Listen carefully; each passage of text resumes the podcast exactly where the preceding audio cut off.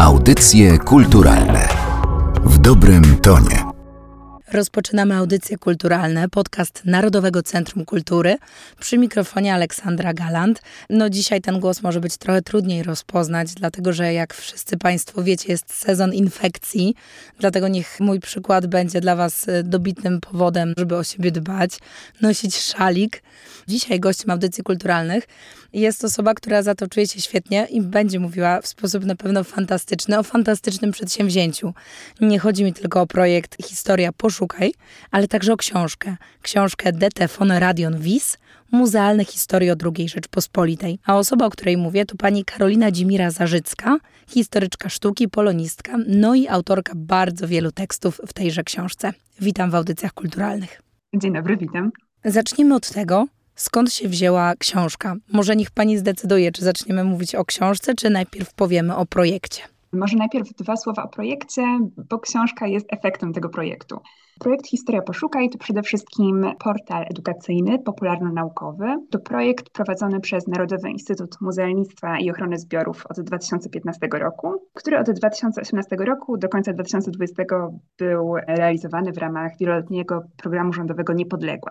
Jest to projekt, który być może Państwo znają z internetu właśnie, z naszych mediów społecznościowych czy z portalu, przy czym od czasu do czasu udaje nam się zrealizować jakieś dodatkowe działania edukacyjne, wychodzące poza tylko teksty na portalu. I takimi działaniami, może najbardziej sztandarowymi i lubianymi przez naszych czytelników i czytelniczki, są dodatkowe publikacje, które można uzyskać bezpłatnie albo w wersji papierowej, albo ściągnąć w wersji PDF z naszego portalu. I publikacja, która okazała się w grudniu zeszłego roku, o której będziemy mówić, jest z jednej strony podsumowaniem tych wieloletnich działań portalu, ponieważ znajdują się tam teksty, które były publikowane w międzyczasie właśnie na portalu Historia Poszukaj, ale z drugiej strony jest też pewną kontynuacją publikacji, która ukazała się w 2019 roku, zatytułowanej Podjąć wyzwanie Druga Rzeczpospolita na drodze nowoczesności. Więc o ile pierwsza publikacja była złożona z dwudziestu kilku rozdziałów, które opowiadały o kolejnych dziedzinach czy obszarach życia w II Rzeczpospolitej, tak tutaj zachowaliśmy podział na te dwadzieścia kilka obszarów, przy czym w każdym z tych rozdziałów znajdują się artykuły z naszego portalu, które pasują tematycznie do danej kategorii.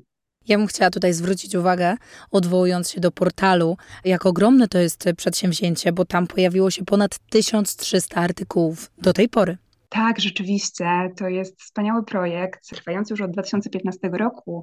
Z roku na rok przybywa tych artykułów, więc rzeczywiście teraz jest tam naprawdę spory wybór. W publikacji, o której mówimy, ukazało się ponad 100 artykułów, więc też całkiem niezły wybór. Ponad 200 ilustracji. Każdy z tych artykułów jest skupiony wokół jakiegoś obiektu muzealnego, co jest oczywiście związane z charakterem wydawcy tego portalu, czyli Narodowego Instytutu Muzealnictwa i Ochrony Zbiorów to właśnie dlatego te historie muzealne, które są zawarte w tytule, są w centrum naszych zainteresowań.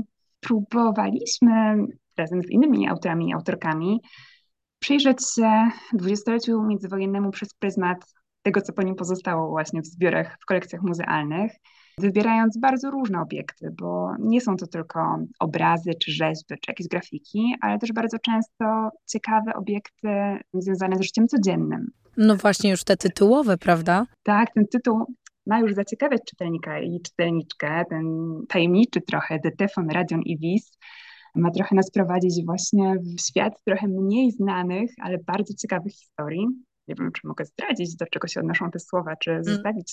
Ja myślę, że trochę uchylić rąbka tajemnicy musimy, bo ja nie ukrywam, że czytając, bardzo szukałam wyjaśnienia i oczywiście wszystkie artykuły były niesamowicie wciągające, bo też one są napisane w taki bardzo przystępny sposób, który wciąga w historię, o której opowiada.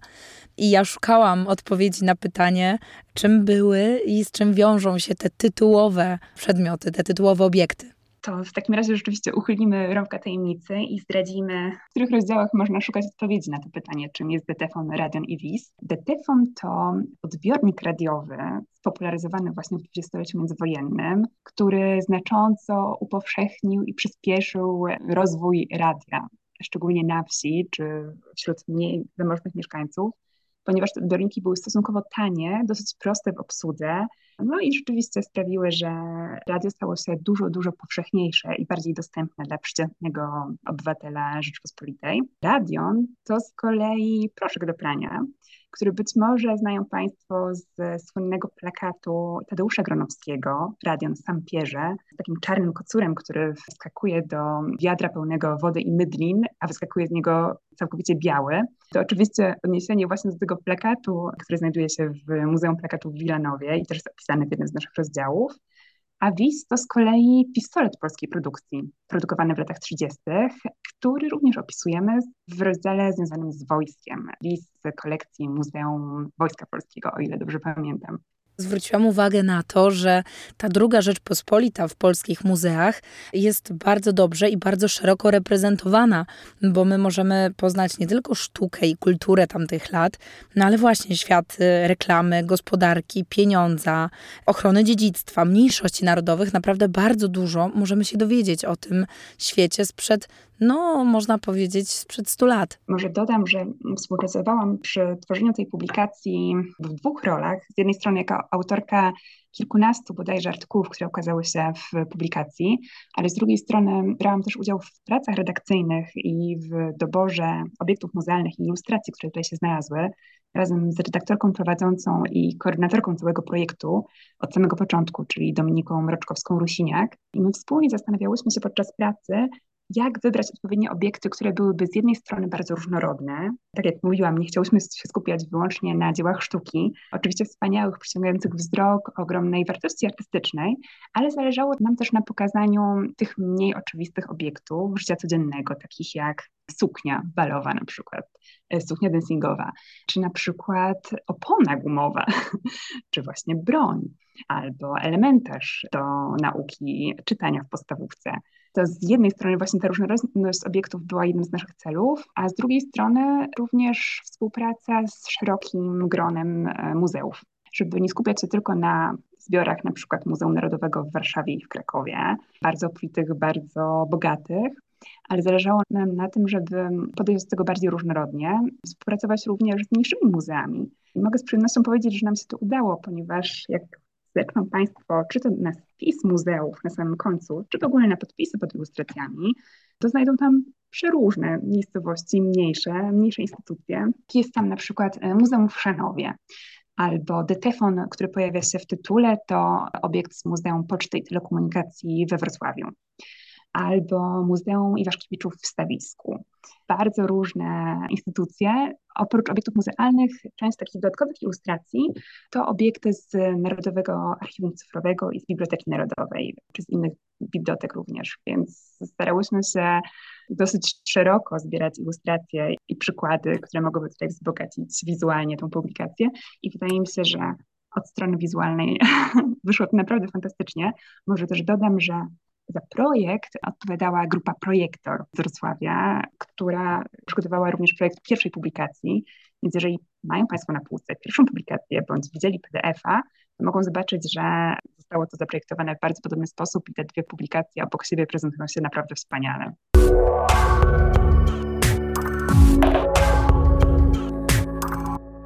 Warto zwrócić uwagę na te ilustracje, o których pani mówiła. Ponad 200 ich chyba jest. Udało się je zgromadzić między innymi dzięki digitalizacji, która y, sprawia, że coraz więcej dzieł sztuki trafia do nas w wersji cyfrowej. Tak sobie myślę, że akurat kiedy rozmawiamy o dwudziestoleciu i tym takim skoku w nowoczesność, to takie intensywne korzystanie właśnie z digitalizacji, cyfryzacji, to jest strzał w dziesiątkę. To bardzo ułatwiało pracę nad książką i wyszukiwanie ilustracji, czy wyszukiwanie też obiektów muzealnych do opisania, ponieważ ta publikacja jest poniekąd podsumowaniem portalu, więc znalazły się tutaj artykuły publikowane wcześniej w internecie, ale z drugiej strony, by wypełnić pewne luki tematyczne, część autorów i autorek przygotowywała na bieżąco podczas pracy nad tą publikacją dodatkowe artykuły, które miały jakoś właśnie uzupełnić pewne kwestie. Więc stanęłyśmy z wspomnianą Dominiką Roczkowską-Rusiniak przed zadaniem dopasowania znalezienia właśnie obiektów, które dobrze uzupełniałyby narrację, którą zostałyśmy na portalu. I tutaj katalogi cyfrowe muzeów, digitalizacja, która postępuje w ostatnich latach, to był ogromny atut i naprawdę ogromne ułatwienie pracy nad tą książką. Myślę, że pewnie znają Państwo wiele z tych katalogów cyfrowych, w których można spędzić naprawdę godziny przeglądając przeciekawe obiekty. Oczywiście nigdy nie zastąpi to kontaktu bezpośredniego ze sztuką, ale z drugiej strony pozwala na dostęp do wszystkich dzieł tak naprawdę za jednym kliknięciem z jednej strony, a również na przyjrzenie się obiektom, których nie znajdziemy na wystawach stałych w muzeach, a które są mniej znane, ponieważ są na przykład w magazynach muzealnych, ale dzięki właśnie katalogom cyfrowym mogą być dostępne tak naprawdę 24 godziny na dobę dla każdego. Pani, tak jak wspominałyśmy na początku, napisała gro, bardzo wiele artykułów, które znajdujemy w książce. Nie wymienię ich wszystkich, bo to byłaby naprawdę długa lista. E, natomiast nie powstrzymam się od zadania pytania, czy ma Pani taki swój ulubiony obiekt albo coś, o czym pisało się Pani najlepiej, do czego ma największy sentyment? Trudne pytanie. Na pewno mam najwięcej sympatii, a przynajmniej dużo sympatii dla moich tekstów związanych z artystkami ponieważ w historii kobiet, historii wybitnych pionierek, artystek, malarek, graficzek, rzeźbiarek jest poświęconych wiele moich tekstów i na portalu, i w tej publikacji. I rzeczywiście myślę, że do tych tekstów mam jakby najwięcej sentymentu. Znajdują się tutaj artykuły dotyczące prac na przykład Zofii Stryjeńskiej, albo Olgi Niewskiej i rzeźba Boxer z Muzeum Sportu i Turystyki w Warszawie. Bardzo ciekawa artystka, której wiele prac jest związanych właśnie z tematyką sportową, która sama uwielbiała uprawiać sport. Bardzo ciekawa historia. Jest historia o grafikach przedstawiających koty, prześliczne Wiktorii Goryńskiej. Te grafiki były pokazywane podczas takiej wystawy objazdowej grafiki polskiej w Kanadzie w latach 30. Kilka prac Goryńskiej znalazło się w National Gallery w Kanadzie, w Montrealu. Kogo jeszcze mogę wymienić? Jedną z pierwszych architektek polskich, Jadwigę Dobrzyńską, bardzo ciekawa postać, o której można przeczytać właśnie w rozdziale poświęconym architekturze dwudziestolecia międzywojennego. Myślę, że te nazwiska jeszcze kilka, które tutaj można znaleźć, to rzeczywiście postaci, które wskazałabym na pierwszym miejscu. Też bardzo wiele przyjemności zawsze sprawia mi wyszukiwanie postaci, które są trochę mniej znane albo niesłusznie zapomniane, bo tak jak Zofii Stryjeńskiej nie trzeba nikomu przedstawiać, to Olga Niewska nie wiem, czy jest tak znaną postacią obecnie, a zupełnie niesłusznie, ponieważ jest fantastyczną twórczynią i postacią właśnie o przeciekawej historii, więc zazwyczaj te mniej znane pionierki, twórczynie czy artystki to są te postaci, z którymi mam właśnie największy jakiś taki emocjonalny związek. Chciałabym Panią zapytać ogólnie o dwudziestolecie e, międzywojenne, o drugą Rzeczpospolitą, bo to jest taki okres w naszej historii i fascynujący, i bardzo zawiły, i bardzo ważny dla naszej późniejszej historii. Tutaj też wydawnictwo Narodowego Centrum Kultury opublikowało tomy dotyczące i architektury, i mediów.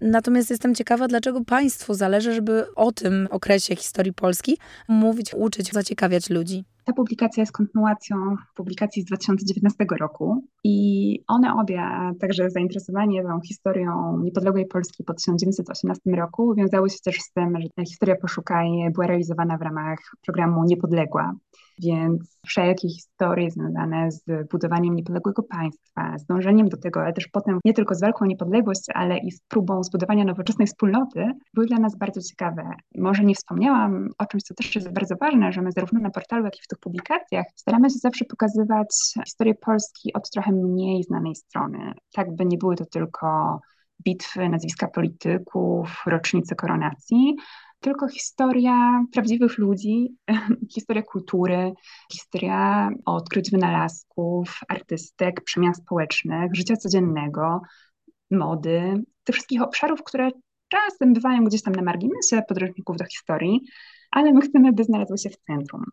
A że zarówno portal, jak i wszelkie projekty dodatkowe edukacyjne są w dużej mierze kierowane do młodszych odbiorców. Wiemy, że często czytają nas uczniowie czy studenci, często też edukatorzy muzealni czy nauczyciele, którzy szukają jakichś dodatkowych, ciekawych informacji na tematy związane z kulturą, sztuką czy historią. To zależy nam na tym właśnie, by trochę wypełnić taką lukę, jeśli chodzi o tę mniej znaną część historii Polski. Pani dużo powiedziała na temat książki. No ona jest głównym bohaterem naszego spotkania. Gdzie tej książki można szukać? Można ją znaleźć w wersji elektronicznej, wersji PDF na portalu www.historiaposzukaj.pl w zakładce publikacje.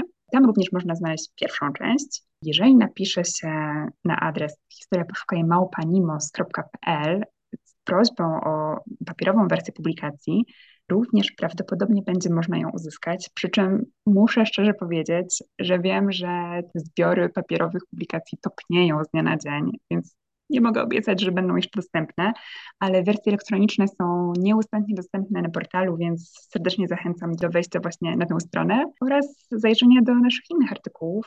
Tak jak wspomniałyśmy, jest ich ponad tysiąc, więc naprawdę jest z czego wybierać.